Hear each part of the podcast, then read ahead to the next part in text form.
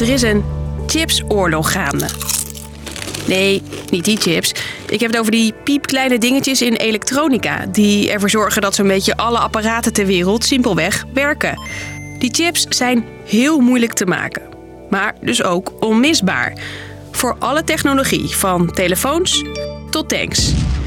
En daarom willen de VS en China allebei de macht over de chips. En vooral dat de ander ze niet krijgt. De VS heeft nu een nieuwe zet gedaan in de strijd om die chips. Pak er even een zakje bij, want ik, Hilde, ga je vertellen waarom chips zo belangrijk zijn. Lang verhaal kort. Een podcast van NOS op 3 en 3FM. Oké, voordat je denkt, chips boeien mij niks. Het apparaat waar jij nu deze podcast op luistert, zou zonder chips niet bestaan. Die dingen zitten echt overal in, vertelt techjournalist Nando Kastelein. In koelkasten, in wasmachines, maar uiteraard ook in je telefoon, in je laptop, in datacenters, in auto's, in vliegtuigen. Maar ze zijn ook handig voor, tikkie spannender, geavanceerde oorlogswapens. Nou hoor ik je denken, wat doet zo'n chippy dan, soms kleiner dan een postzegel, in al die apparaten? Nou, rekenen.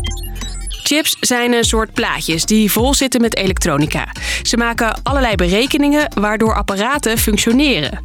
Je hebt allerlei verschillende soorten. Want je kunt je voorstellen, jouw koelkast en een supercomputer voor moderne wapens, die hebben niet helemaal dezelfde rekenkracht nodig. En die rekenkracht, die moet je even onthouden voor zo. Chips zijn dus vet belangrijk. En daarom was het ook een hoop gedoe toen tijdens corona opeens een flink tekort ontstond. Er is wereldwijd een groot tekort aan computerchips. Op dit moment helemaal uitverkocht. Het is bijna onmogelijk om aan dit eh, product te komen op dit moment. Miljardenverliezen dreigen, banen staan op de tocht. Er heerst chipsschaarste. Kwam omdat we door altijd thuis zitten opeens allemaal apparaten gingen kopen, zoals computerschermen of gameconsoles. En dat konden de fabrikanten niet aan. Want die fabrikanten, daar zijn er niet zoveel van. Het is namelijk niet zo dat je gewoon een machine kunt bouwen die chips maakt en daar een fabriekshal mee vult. Chipsbedrijven focussen zich namelijk allemaal op één specifiek onderdeel in die hele productieketen. En samen leggen ze de chipspuzzel. En een heel belangrijk bedrijf zit in, je raadt het nooit, Veldhoven, Nederland, bij het bedrijf ASML. Om even een Nederlands voorbeeld te nemen, ASML is eigenlijk de enige die in staat is uh, machines te leveren waarmee je de meest hoogwaardige chips kunt maken. Die kan maar één bedrijf maken. Het productieproces is dus best ingewikkeld en heel duur. Het neerzetten van zo'n fabriek kan al gauw meer dan 10 miljard dollar kosten of nog veel meer geld. De meeste chips komen uit Azië. Twee bedrijven daar zijn eigenlijk de absolute eindbazen. Samsung uit Zuid-Korea en TSMC uit Taiwan. En we zoomen even in op die laatste. TSMC lukt het namelijk om steeds betere chips te maken met meer en meer rekenkracht dus. En wat dat betreft zijn we al ver gekomen. Luister maar naar hoogleraar chipontwerp Kofi Makinwa. Mijn favoriete anekdote is dat de computer die Apollo naar de maan heeft gebracht, is vele maal minder krachtig dan een moderne smartphone. En dat was 69 dat Apollo naar de maan ging. Maar ja, dat, dat ding wat, wat uh, wat zij een computer noemt, is wat je tegenwoordig in je, in was, in je wasmachine hebt om de programma's te, te doen draaien. De VS en China willen heel graag de allersterkste chips hebben. Waarom, vertellen we je zo.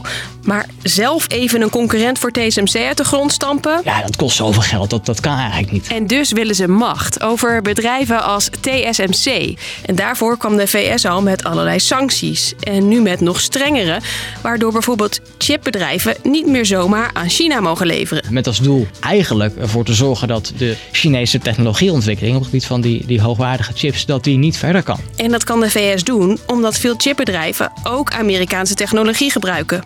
Geef ze een vinger in de chips. Uh, sorry, in de pap. Maar waarom wil Amerika zo graag het beste technologieland zijn? Nou, je begrijpt inmiddels, het is een enorme business, dus goed voor de economie. Nando, pak je rekenmachine er even bij. Ja, als je kijkt naar de totale markt, uh, in omzet, uh, dit jaar zitten we op, hou je vast, 633 miljard dollar wat aan omzet wordt gedraaid in heel de wereld. Maar, en dit is nog belangrijker, moderne chips zijn ook belangrijk voor het leger. Zowel als het gaat om cyber, als het gaat om gewoon straaljagers en, en andere uh, materiaal om hè, uh, grote aanvallen mee uit te voeren. Daar heb je die chips ook voor nodig. De VS zag de afgelopen jaren dat China steeds betere chips ontwikkelt. En dat zien de Amerikanen dus als een militaire bedreiging. Dat is wel duidelijk geworden dat de VS uh, vreest dat als het zo doorgaat en als ze niet ingrijpen, dat, dat zij vrezen dat China te machtig wordt in hun ogen. En dus gaat deze strijd eigenlijk om veel meer dan chips denkt Nando. In feite staan we aan het begin van, ja, het, is, het, klinkt, het klinkt misschien een beetje heftig, maar toch al in een, van een soort van technologieoorlog tussen twee grootmachten met gigantische belangen. En ja, niemand weet hoe dat eindigt. Dus, lang verhaal kort, er is een strijd om chips gaande tussen de VS en China. Want de VS is bang dat China met supersterke chips ook supergevaarlijke wapens kan maken. En natuurlijk economisch een voorsprong krijgt. Daarom maakt het steeds moeilijker voor China om aan die chips te komen. Tot zover deze LVK, powered bij allerlei chips. Morgen zijn we weer. Tot dan!